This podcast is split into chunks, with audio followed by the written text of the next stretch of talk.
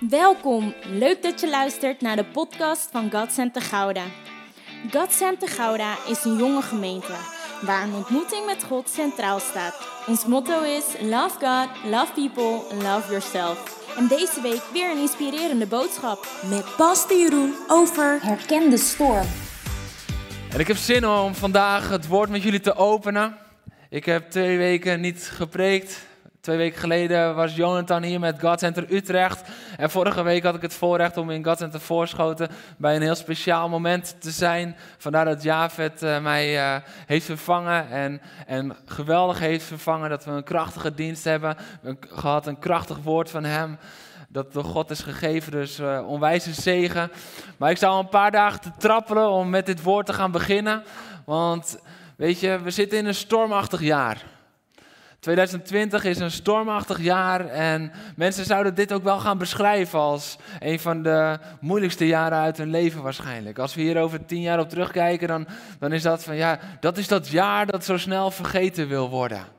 Dat hoor je heel veel. Je ziet ook heel veel van die posts van, oké, kon het maar 2021 zijn? Oké, uh, weet je, ik ga slapen en morgen is het 1 januari. En mensen verlangen naar het volgende jaar. Mensen verlangen om deze storm achter zich te laten en weer in het nieuwe te stappen.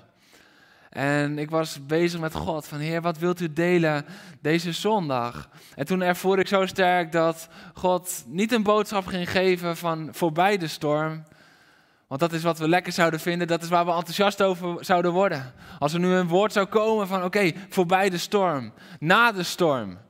Maar misschien wordt dat wel volgende week, wat er na een storm gebeurt. Maar God wil het vandaag hebben over herken de storm. Want het is van groot belang om de storm in jouw leven te herkennen, om er op een juiste manier mee om te kunnen gaan. En weet je, ik heb ontdekt ook in dat ik bezig was weer in het woord deze week als voorbereiding, dat God is zo goed. En zijn woord is zo waar. En zijn aanwezigheid is zo realiteit. Dat zelfs in de storm kunnen wij ons verheugen. En ik ga zo direct tot een conclusie komen die je waarschijnlijk gaat verbazen. En ik ben benieuwd wat je daarvan vindt. Maar ik werd zelf verbaasd door de conclusie die ik mocht trekken uit wat God me leerde over de storm. Want juist nu wil Hij spreken tot jou en tot mij. Juist nu over die stormen die we tegenkomen of waar we ons nu in bevinden. En ja, dan is het 2020 één grote storm. Maar dan is de vraag, in welke storm bevinden we ons?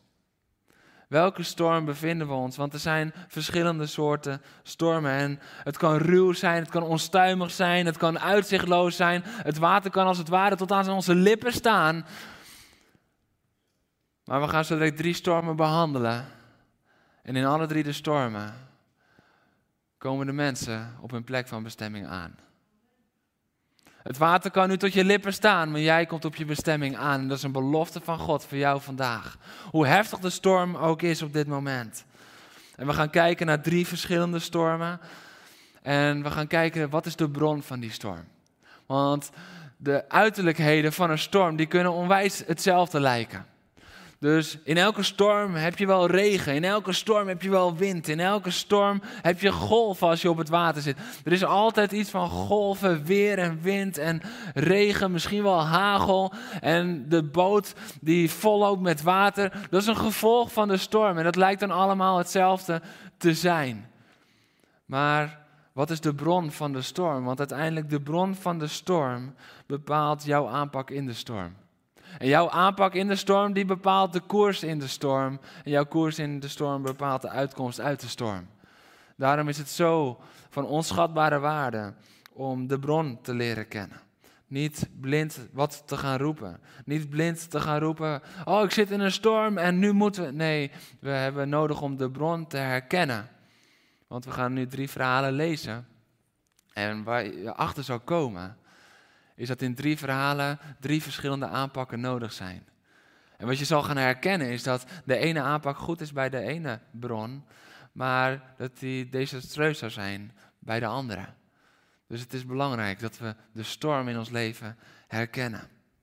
En laten we eerst gaan lezen daarover. En de eerste storm waar we over gaan lezen is de storm van Jona. Ik wil je vragen om Jona 1 erbij te pakken. En als je hem erbij hebt, dan mag je gaan staan voor het woord van God. Als je misschien voor het eerst kijkt of uh, erbij bent. We gaan hier uit ontzag voor Gods woord gaan we staan als we eruit lezen. Dus je mag opstaan. Hij komt ook in beeld en dan kan je meelezen. Dan mag je ook gewoon lekker opstaan. Jona 1, vers 3 en 4 gaan we lezen met elkaar.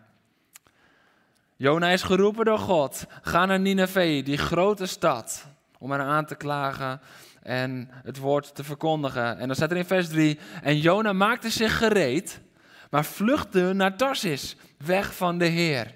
Hij ging naar Javo en vond er een schip met bestemming Tarsis. Hij betaalde de overtocht en ging aan boord om mee te varen naar Tarsis, weg van de Heer. Maar de Heer wierp een hevige storm op zee en de zee werd zo wild dat het schip dreigde te breken. Storm nummer 1. We gaan gelijk door naar storm nummer 2 en dan gaan we door naar het Marcus-evangelie, Marcus 4, vers 37 tot en met 39. Jezus heeft tegen de discipelen gezegd, laten we het meer oversteken naar de overkant. Dat is in vers 35 en dan vanaf vers 37 lezen we met elkaar. Er stak een hevige storm op en de golven beukten tegen de boot, zodat die vol water kwam te staan. Maar hij, Jezus, lag achter in de boot op een kussen te slapen. Heb je wel eens het idee dat je onwijs in een storm zit en dat je denkt, Heer, ik hoor niks. En dat je denkt, waar bent u? Maar dat hij wel in jouw boot zit, maar dat hij misschien gewoon in de volle rust is. Terwijl wij in paniek zijn. Hij lag te slapen.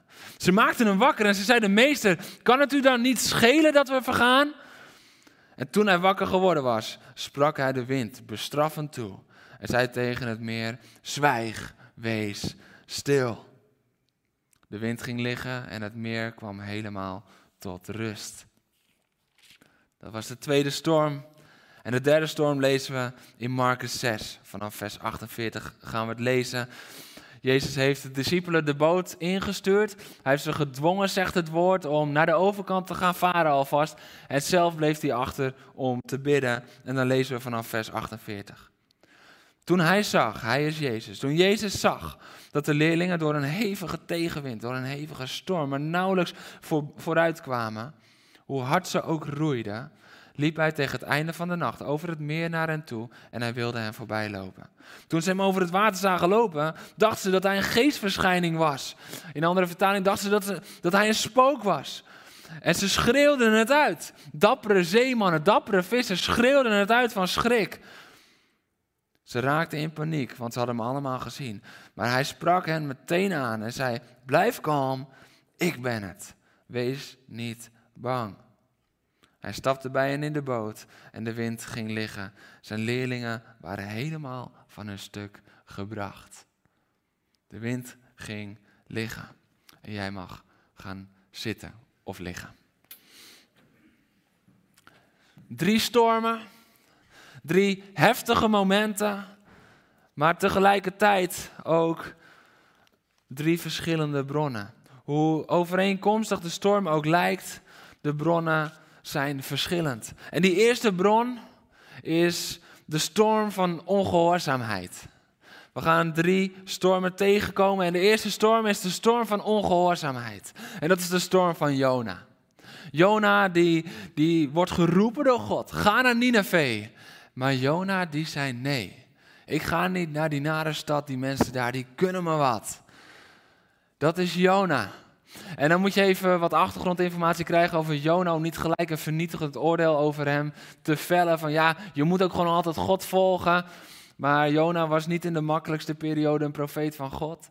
En Jona had al veel slechte mensen gezien. En de vorige keer dat hij een woord van God moest prediken, toen moest hij dat doen. En de mensen verbeterden hun leven niet. Maar God zegende ze toch. En Jona was verward. Want Jona dacht, hoe kan Gods goedheid nou komen over slechte mensen? En hij begreep het niet. En als het ware, zijn eigen inzicht over rechtvaardigheid stond hem in de weg om het goede nieuws te brengen. Zijn eigen inzicht over rechtvaardigheid zorgde ervoor dat hij de genade van God niet kon brengen. En hij moest naar Nineveh, die rotstad. Die plek van onheil, die plaats van alles wat niet heilig was, die plaats van zonde. Dat was Nineveh in die tijd. Weet je, dit is een beetje alsof, alsof God je vandaag de dag zou sturen naar Noord-Korea of naar China en zou zeggen: ga daar midden op het grootste plein, in de grootste stad, op een kistje staan en ga daar verkondigen hoe slecht de mensen zijn en hoe rechtvaardig ik ben. Noord-Korea, China, waar de vervolgde kerk ondergronds werkt moet jij op een kratje gaan staan op het grootste plein van de grootste stad. Dit is de opdracht die Jona kreeg. Het is alsof God het van ons zou vragen om een klein beetje inbeelding te hebben dat het niet heel raar was dat Jona niet heel enthousiast was. En Jona die zei nee, want Jona die besloot zich gereed te maken, maar vluchtte naar Tarsis weg van de Heer. Vluchtte hij nou naar Tarsis of vluchtte hij nou weg van de Heer? Ik heb daar lang over zitten dubben. Was zijn bestemming naar Tarsis of was zijn bestemming gewoon weg van de Heer? En ik moest denken aan de vluchtelingen die naar Europa komen op dit moment. Deze mensen die, die vluchten niet naar Nederland of naar Frankrijk. Nee, die vluchten weg van de erbarmelijke omstandigheden waar ze uitkomen. En ze gaan naar Europa, maar ze kijken wel waar ze terechtkomen, omdat ze beseffen, ik moet weg hier. Dat is wat vluchten doet. Je vlucht niet naar iets, je vlucht van iets. En dat is wat Jona ook deed. Jona die vluchtte weg van God. Het staat er twee keer specifiek. Het staat er zo specifiek. Ja, hij ging naar Tarsis, maar hij vluchtte weg van de Heer. Weg van de Heer. Twee keer staat het er in vers 3. En dan is er iemand die een hevige storm opwerpt. En die storm is zo hevig dat het schip dreigt te breken. Dat het schip dreigt vol te lopen. Het is zo'n hevige storm dat die ervaren zeelui allemaal naar hun eigen God beginnen uit te roepen. God, God, ik heb u nu nodig, maar er gebeurt niks. Zo'n hevige storm is het. En wie wierp die storm op in het leven van Jona? Was dat de duivel? Waren het demonen? Nee. Vers 4 zegt, maar de Heer wierp een hevige storm op de zee. Wij zijn zo snel, zijn we ja, direct de schuld naar de duivel schuivend. Zo vaak is het dat we denken van ja, dit is, dit is geestelijke strijd, dit komt van de duivel en hier moet ik tegenin. Maar soms komt een storm dus blijkbaar van God. En wat jij ervaart als je grootste strijd kan wel eens de grootste zegen van God zijn, komend door de storm van zijn hand. En je denkt van, ja, zo'n storm dat kan niet van God komen, maar het is de grootste zegen in je leven dat die storm daar komt. Want dat zien we in het leven van Jona ook. Het is, uiteindelijk is die storm zijn grootste zegen. Want het is de storm die hem terugbrengt op Gods plan voor zijn leven. Dat is de zegen van de storm. Dat is de zegen van de storm die van de hand van God komt. De storm waar Jona in kwam, was van Gods hand. En die was niet om ook maar iemand te laten verdrinken. Die was niet om iemand om te laten komen. Je ziet ook dat de bemanning uiteindelijk gewoon ongedeerd blijft. Jona die gaat uiteindelijk overboord, maar ook hij overleeft het op wonderbaarlijke wijze. Dus God is er met zijn storm nooit op uit om iets of iemand kapot te maken, om iemand om te laten komen. Nee, hij is erop uit om mensen terug te brengen op het pad waarvan hij weet dat het goed is voor diegene. En ook nog eens tot zegen van anderen. Want moet je nagaan als Jona niet naar Nineveh was gegaan. De zegen was niet alleen voor zijn eigen leven, maar was ook nog eens voor de ander. En jij kan hard rennen voor het plan van God. Maar Gods plan voor jou is altijd sterker dan jouw poging om ervoor weg te rennen. We kunnen proberen weg te rennen. Nee, nee, nee, nee, nee, dit is te veel, Heer. Heer, u roept mij om te spreken, om uw woord te spreken, maar ik ben geen podiumdier. Weet u wat? Geef iemand anders maar de plek. Weet je hoeveel vrouwen dit doen? Weet je hoeveel vrouwen denken, nee, ik blijf wel achter mijn man staan, terwijl zij eigenlijk geroepen zijn. Vrouwen, het is tijd om in de spotlight te komen. Dat is wat we geloven als kerk. Mannen en vrouwen in de bediening. En ik ben dankbaar voor zoveel vrouwen die er al op staan, maar ik geloof dat er nog meer komen. Waarom? Omdat het niet tijd is om te zeggen, nee, die ander kan dat beter. Nee, ik verschuil me achter mijn man. Ik ervaar dat dit voor een aantal is die zitten te kijken. Je verschuilt je al jaren achter je man. Maar het is tijd om er voorbij te staan en ernaast te gaan staan. Je hoeft niet voor je man te gaan staan, maar ga ernaast staan. Het is tijd om samen te gaan staan. Want er ligt een roeping op je leven. Er ligt een roeping op je leven en je mag erin stappen. En de vraag vandaag is, als God ons roept, wat is ons antwoord? Rennen we weg of gaan we rennen met zijn plan? Rennen we weg voor zijn plan of gaan we rennen met zijn plan? Zijn we bereid om te gaan naar de plek waar hij ons wil zenden? En er gebeurt dan iets interessants, want er komt een heftige storm. Een heftige storm en, en dan, dan staat er dat Jona was in het ruim gaan liggen en dan was in een diepe slaap gevallen. En dat intrigeerde mij. Hoe kan je tijdens een diepe storm in slaap vallen? In een diepe slaap. Het is, het is een storm dat het schip dreigt te vergaan. Het is zo heftig dat elke zeeman bang is en tot zijn eigen God om hulp gaat roepen. Maar Jona die ligt te slapen. En de schipper die, die komt naar hem toe en die zegt, hé hey, wat lig je hier nou te slapen? Sta op en roep je God aan. En Jona was ook de enige die de levende God kon aanroepen.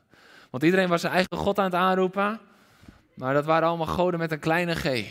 Dat waren allemaal goden die dood waren. Dat waren beelden of iets of voorstellingen. Maar Jona had toegang tot de levende God. Jona had toegang tot de levende God als enige in deze storm. En dat was toevallig ook de God die hem in de storm had gebracht. Jonas slaapt tijdens een storm. En ik moest denken, hoe vaak is het niet zo dat we in ons eigen leven, als we in een storm zitten, dat we als het ware een kussen over ons hoofd doen. En dat we denken, ik ben er even niet.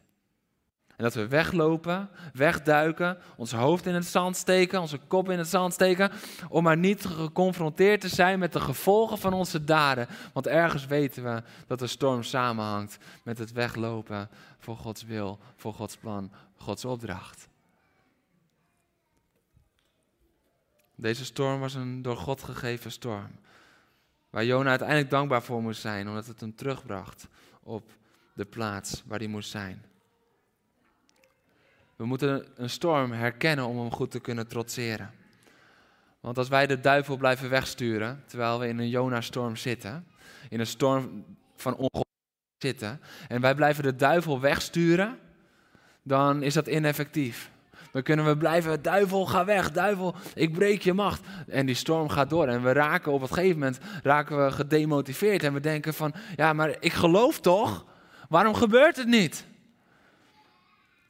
Omdat wat God geeft, kunnen we niet wegbidden bij de duivel. Jona begreep dit en hij liet zich overboord gooien. Daar ging hij. Van de veilige boot ging hij zo het water in. Midden in de oceaan drijf je. Je hebt jezelf overboord gegooid en dan komt God. Dan komt God. En dan komt de maar God komt weer. Maar God stuurt een vis. Het is niet, ja, je bent ongehoorzaam geweest, dus God. Nee, je bent ongehoorzaam geweest, maar God. Dit is de God van genade. En die redding komt niet op de manier zoals wij dat zouden denken. Als er een vis aankomt zwemmen om ons op te slokken en ons te redden, dan zouden wij denken van oké, snel wegzwemmen voor die vis, wegzwemmen voor die vis. En ik moet snel naar een ander bootje wat mij komt redden, want er is vast wel een boot onderweg om mij te komen redden uit deze golven. Maar God had Jona nog steeds op het oog, keek voorbij zijn ongehoorzaamheid en keek naar Jona als zijn kind. Hij redde Jona uit de storm en hij bracht hem terug aan land. En toen was Jona niet terug bij af, hij moest niet terug de profetenschool op en weer alles. Nee, God zei tegen hem: ga naar Nineveh. En Jona zei dit keer ja. De storm van God de storm van ongehoorzaamheid, die brengt je uiteindelijk altijd terug op de plek waar God je wil hebben. En in deze storm, die storm van ongehoorzaamheid, is de vraag of je je bekeert van je ongehoorzaamheid en bereid bent om de weg van God te gaan. Ben je bereid om die weg te gaan? Dat is de eerste storm, de storm van Jona. De tweede storm hebben we gelezen in Marcus, Marcus 4. En dat is de storm van geestelijke strijd. We hadden net de storm van ongehoorzaamheid. Nu komen we in een storm van geestelijke strijd. Dat is de storm waar Jezus in de boot zit met zijn discipelen. En Jezus heeft gezegd, voordat ze het meer opgingen, laten we het meer oversteken. En dan als je NBV leest, dan blijft het daarbij. Maar als je in de grondtekst kijkt en ook in de andere vertalingen, NBG, uh, herziende statenvertaling, dan staat er naar de overkant. In de Griekse grondtekst staat er ook naar de overkant. Dus niet alleen oversteken, nee, ook echt naar de overkant. De bestemming staat vast. Hij geeft de bestemming al vast aan zijn discipelen. En dan staat er in Matthäus plotseling. Plotseling uit het niks komt er een hevige storm opzetten. En het water kolkt en de boot loopt vol, staat er. En de boot wordt bijna verzwolgen door de golven en de discipelen zijn in paniek. En weer ligt er iemand te slapen. Is het Jezus? Dit keer is het Jezus die ligt te slapen. In volkomen rust. En wat een contrast tussen de paniek van de discipelen en de rust van Jezus. Tussen de angst van de discipelen en het geloof van Jezus. De zekerheid van Jezus. Want hij was in de boot. Hij lag in de boot te slapen. En als er een storm geestelijk van aard is, als er een aanval is van de duivel en zijn demonen en de storm komt van hun, dan kan Jezus rustig liggen slapen. Want Jezus weet dat zijn autoriteit groter is. En hij weet dat hij geen moment onder de indruk hoeft te zijn van de kracht van de storm, omdat hij de zwakte van de bron van de storm weet. Die openbaring hebben we nodig. Wij hoeven ons niet helemaal in angst te laten boezemen. Wij hoeven niet in paniek te zijn als wij, de, als wij de kracht van een storm zien, zodra wij de zwakte van de bron van de storm herkennen. Daarom is het zo belangrijk dat we de stormen herkennen, de bronnen van de stormen herkennen. Want als wij alleen maar kijken naar de uiterlijke storm, dan raken we in paniek. Want die golven zijn zo groot en die wind is zo hard en die boot die gaat zo tekeer. Maar Jezus kende de bron van de storm. Hij wist dat de duivel hierachter zat. Hij wist dat zijn demonen hierachter zaten. En Jezus wist, ik ben groter. Ik ben sterker. Ik ben overwinnaar.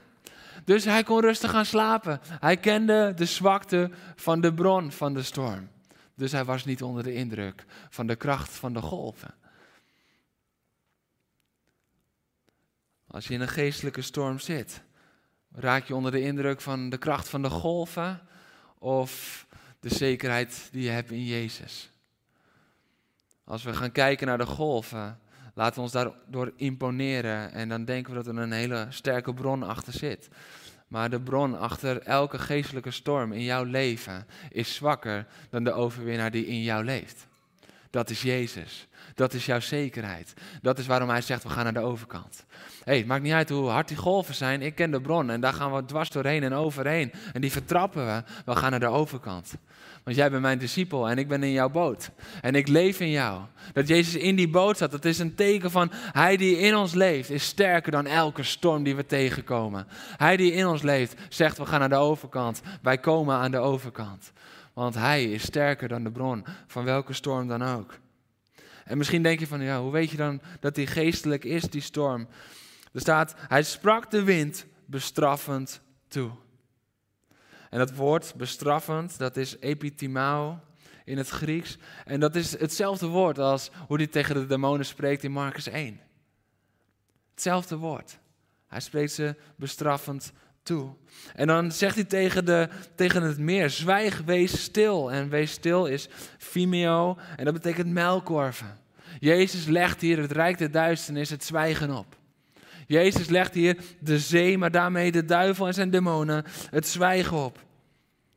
De duivel die uit alle macht probeert te voorkomen dat ze aan de overkant komen. Dat ze aan de overkant komen, want er is een specifieke missie.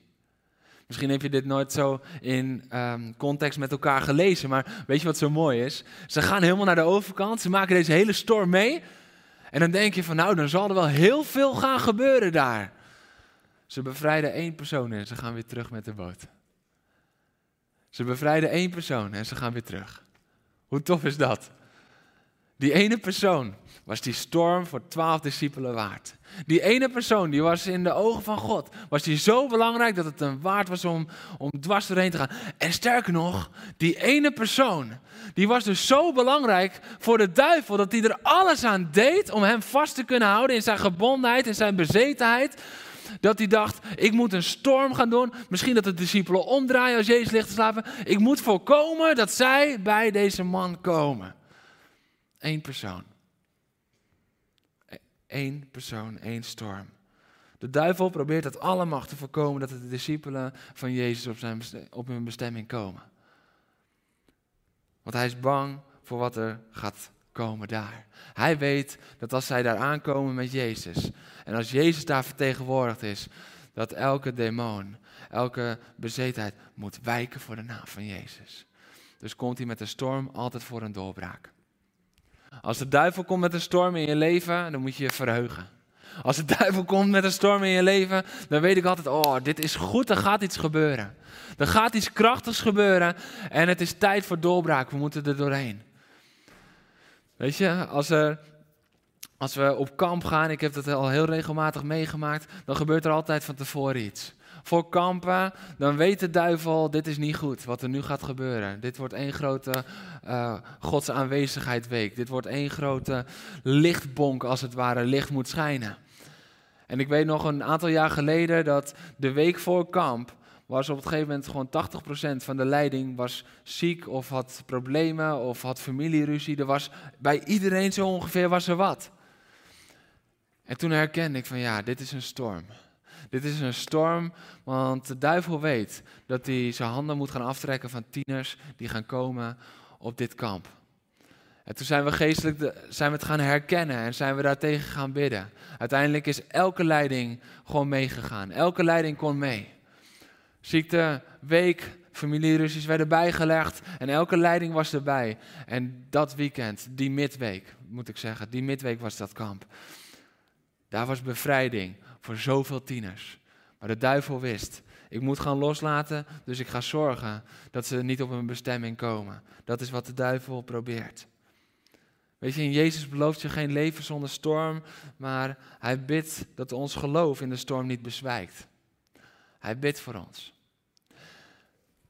Wat mij zo raakt is dat hij zegt, hij heeft de storm tot rust gemaand. Hij heeft de duivel als het ware bestraft. En dan zegt hij, waarom hebben jullie zo weinig moed? In andere vertalingen, geloof. Geloven jullie nog steeds niet? Geloven jullie niet? En waarom die koppeling gelijk naar geloof? En waarom komt Jezus dan gelijk hiermee? En ik ben daarmee bezig geweest en ik moest denken aan Lucas 22. Lucas 22, waar in het in de context van het avondmaal. Dit is de Pesachmaaltijd. Dit is het moment dat Jezus met zijn discipelen vlak voor zijn dood aan tafel zit. Ze hebben het avondmaal gevierd. Hij heeft zijn lichaam gebroken. Hij heeft zijn bloed gegeven, de wijn en het brood. En wat we dan zien, is dat hij verder gaat en dan zegt hij in vers 31: Simon, Simon, weet dat de Satan jullie voor zich heeft opgeëist. Om jullie als graan te mogen zeven. Maar ik heb voor je gebeden, opdat je geloof niet zou bezwijken. Simon, Simon, weet dat de Satan jullie voor zich heeft opgeëist om jullie als graan te zeven, maar ik heb voor jullie gebeden opdat je geloof niet zou bezwijken. En dit raakte mij. Dit raakte mij, want Jezus zegt hier niet, maar ik heb ervoor gezorgd dat hij jou niet kan raken. Hij zegt niet, ik heb ervoor gezorgd dat er geen storm meer zal komen. Nee, hij, hij zegt, ik heb voor jou gebeden, zodat jouw geloof niet zal bezwijken. Dat jij door de storm heen zal gaan komen, want dat maakt jou sterker. Dat jij door de storm heen gaat komen, want dan leer je mijn autoriteit kennen. Dan leer je mij beter kennen. Wij kunnen Jezus alleen maar als de grote overwinnaar op de, op de duivel leren kennen, als we ook zijn overwinning op de duivel meemaken in ons leven. Dus Jezus zegt niet, ik wil niet dat je niet meer in een storm komt. Hij zegt, ik bid voor je, zodat je geloof niet bezwijkt. Waarom hebben jullie geen geloof? vraagt hij. Zijn verlangen was dat de discipelen vol geloof en zekerheid zouden wandelen. En in deze storm in je leven, de storm van geestelijke strijd, is de vraag of je het herkent en in geloof kan blijven staan. In overwinning, wetend, het hangt af van Jezus' aanwezigheid. De overwinning in de geestelijke strijd komt voort uit Jezus' aanwezigheid. Hij was in die storm. En waar Jezus in jou leeft, kan ook een demonische storm kan jou niet breken. Het kan je doen schudden, het kan je doen zeven als graan, maar het kan je niet breken. Het kan je niet neerhalen, zoals de duivel bij Job heel veel kon doen, maar hij kon hem niet breken. Dit is de zekerheid die we hebben in God. En dan komen we bij de derde storm. De derde storm is de storm in Marcus 6. En dat is de storm waarin Jezus je leidt. Dat is de storm waar Jezus de discipelen dwingt. Staat er gelaste, staat er in de MBV. Er staat dwingt om de boot in te stappen en alvast naar de overkant te varen. En intussen zou hij de menigte wegsturen en zou die lekker in gebed gaan. Dit is een storm waar Jezus de discipelen instuurt. Hij gelast, hij dwingt ze de boot in te stappen. En dan staat er bij het vallen van de avond was de boot op het midden van het meer. En vanaf daar hebben we het gelezen. Toen Jezus zag hoe heftig de storm was en de tegenwind en dat ze nauwelijks vooruit kwamen, toen kwam hij naar ze toe lopen. Want tegen het einde van de nacht waren ze amper nog verder, want hoe hard ze ook roeiden, ze kwamen nauwelijks vooruit. En dit zijn de stormen van het leven. Geen storm van ongehoorzaamheid. Dit is geen geestelijke strijd. Dit zijn gewoon de stormen van het leven waarin Jezus je leidt. En misschien denk je nu van als, als we het zo horen, oh, dat is de storm waarin Jezus je leidt, van Jezus stuurt je de storm in. Nee, Jezus stuurt je naar de overkant. Maar hij gaat je leiden in de storm. Hij leidt je niet de storm in, maar hij gaat je leiden in de storm. Dat is een groot verschil. Jezus, die leidt jou niet in de storm, die leidt jou naar de overkant.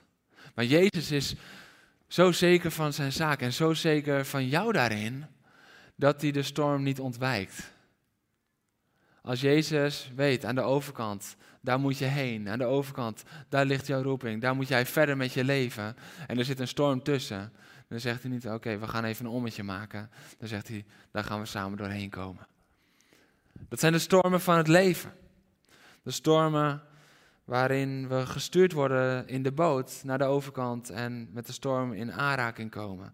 Het zijn ook vaak de momenten dat je Jezus niet zozeer ervaart als in de aanraking van Jezus, maar dat we moeten leren vertrouwen op zijn woord. Want dit is de storm waar Jezus niet in de boot is.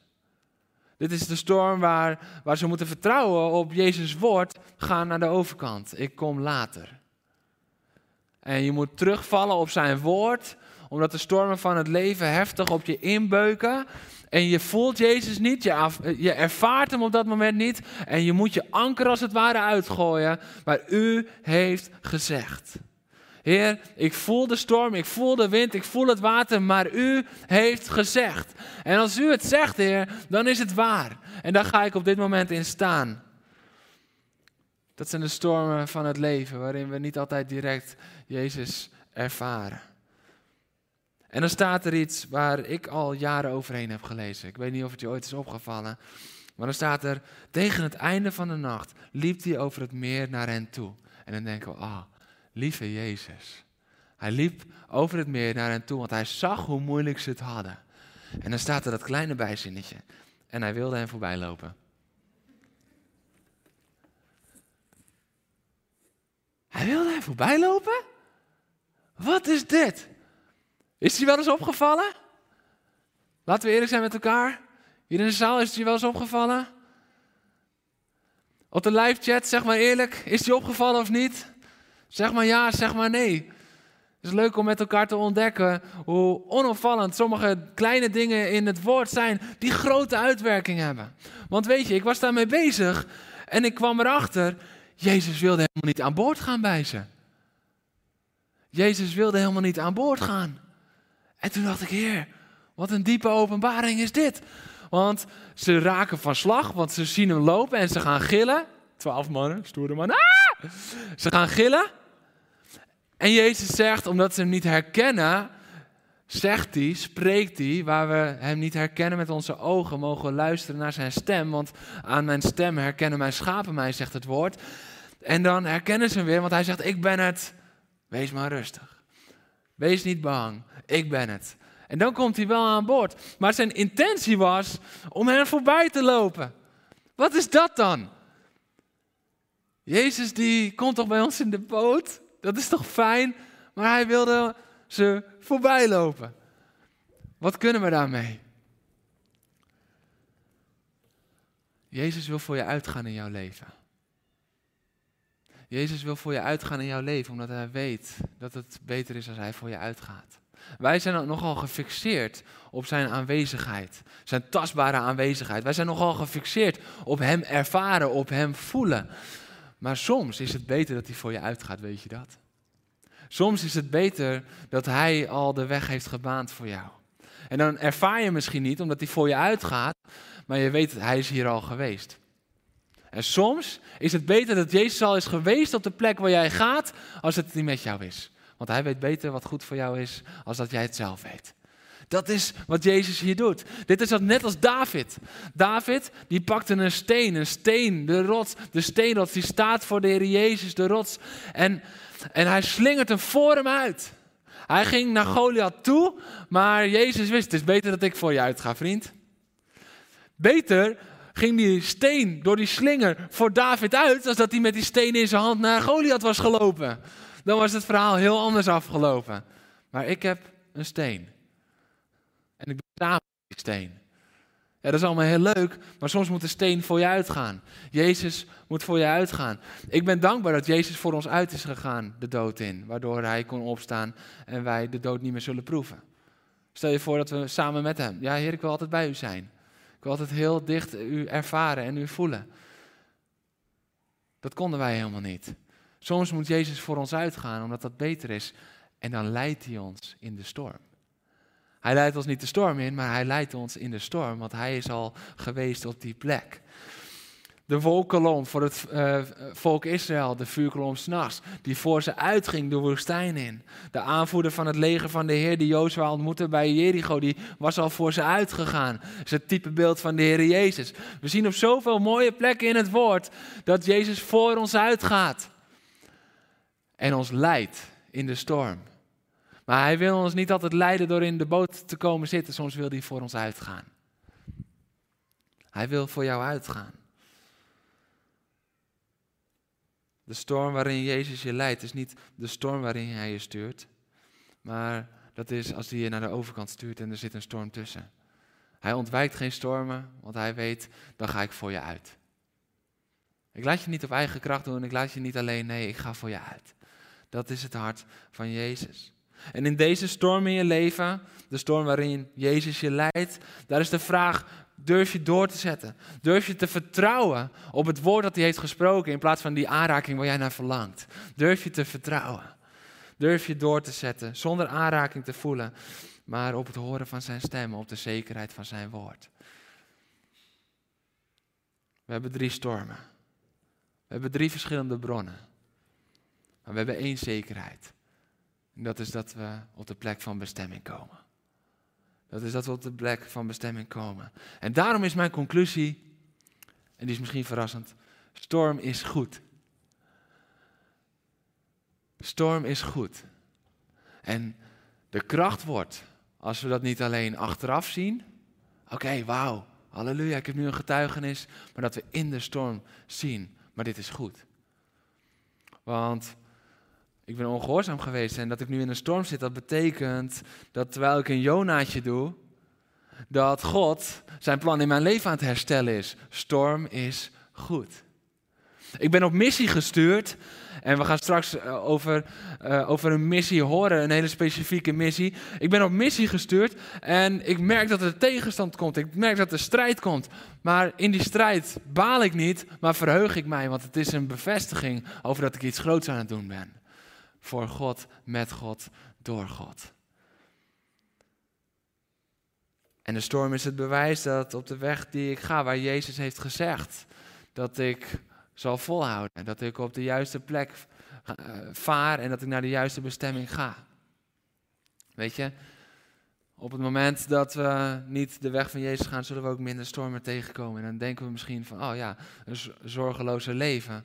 Maar vaak missen we daarin de uitwerking van ons leven. En de zekerheid is dat zelfs de sterkste storm, de sterkste storm in ons leven komt kracht tekort om God aan het wankelen te brengen in ons leven. De sterkste storm. Je kan het niet bedenken. Welke van deze drie ook. Geen storm is krachtig genoeg om God aan het wankelen te brengen. En God zegt, ik leef in jou. Dus die stormen zijn voor ons om over te heersen. Storm 1 is de storm van ongehoorzaamheid. Storm 2 de storm van de geestelijke strijd. Storm 3 de storm waarin Jezus je leidt.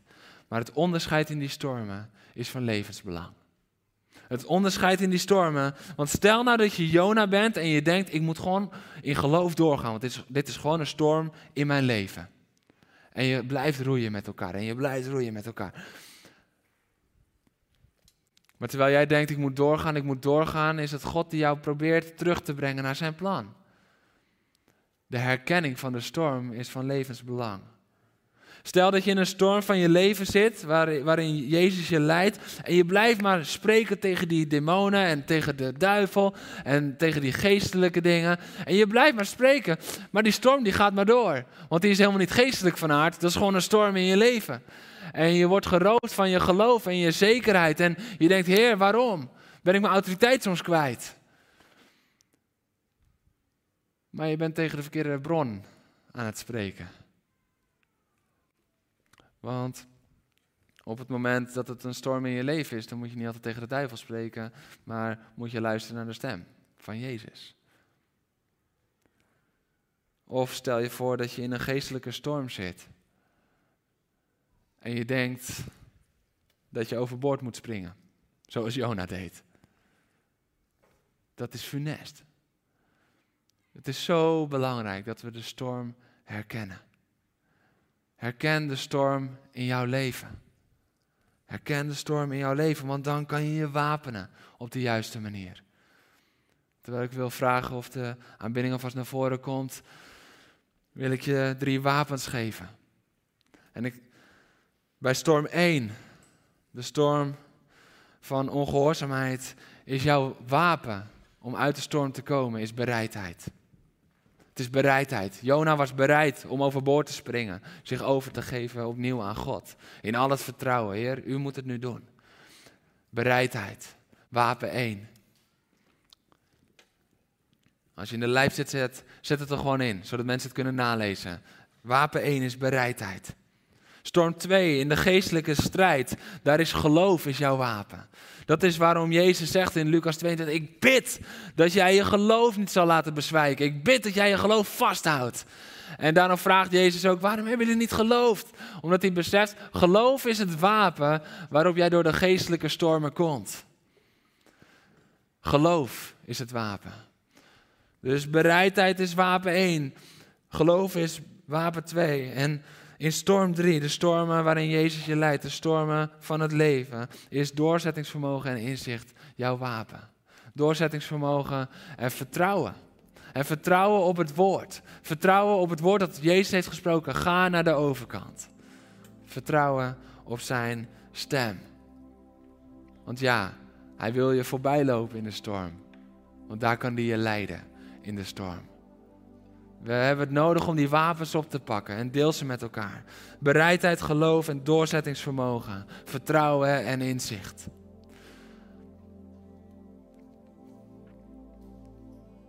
En ik wil een moment nemen om te bidden met elkaar. En God te vragen, als jij door een storm gaat, om je te openbaren welke storm het is. Want het is belangrijk om te beseffen in welke storm je bent, om te bepalen welk wapen je kan inzetten, wat je moet doen. Is het ongehoorzaamheid? Is het geestelijke strijd? Is het een storm waarin Jezus je leidt? Het heeft alles te maken met welk wapen je mag gaan oppakken. Laten we bidden met elkaar. En ik wil je vragen, als je ervaart dat je in een storm zit in je leven, om gewoon een moment, ook al zit je thuis, leg gewoon een moment je hand op je hart. Want God wil het in jouw leven openbaren. Hij wil tot jou spreken vandaag. Hij wil jou helpen. Leg een moment je hand op je hart en laten we bidden met elkaar.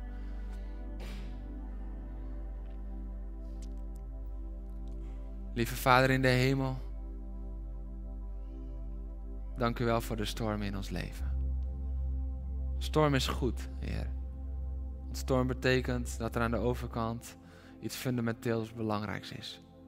Heer, storm betekent dat er grote overwinning aan de overkant is en dat er iets is wat ons weg wil houden daar.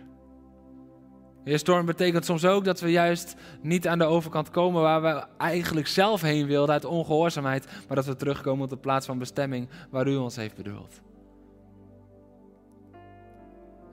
En Heer, als we ons willen wapenen tegen de storm, juist in dit jaar, juist in deze omstandigheden, juist nu, Heer, dan bid ik dat we inzicht zullen krijgen.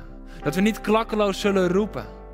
Heer, als er zoveel wordt geroepen in Nederland, wereldwijd, over welke storm dit zou zijn, dat het demonisch, dat het duivels is, dat het de ongehoorzaamheid van Gods volk is. Heer, dat u openbaring geeft. Heer, en dat deze hele storm in dit jaar misschien wel gewoon een van de stormen in het leven is. Waar we doorheen mogen met elkaar. Heer, en waarin we mogen geloven en ervaren en vertrouwen dat u degene bent die leidt, die voor ons uit bent gegaan.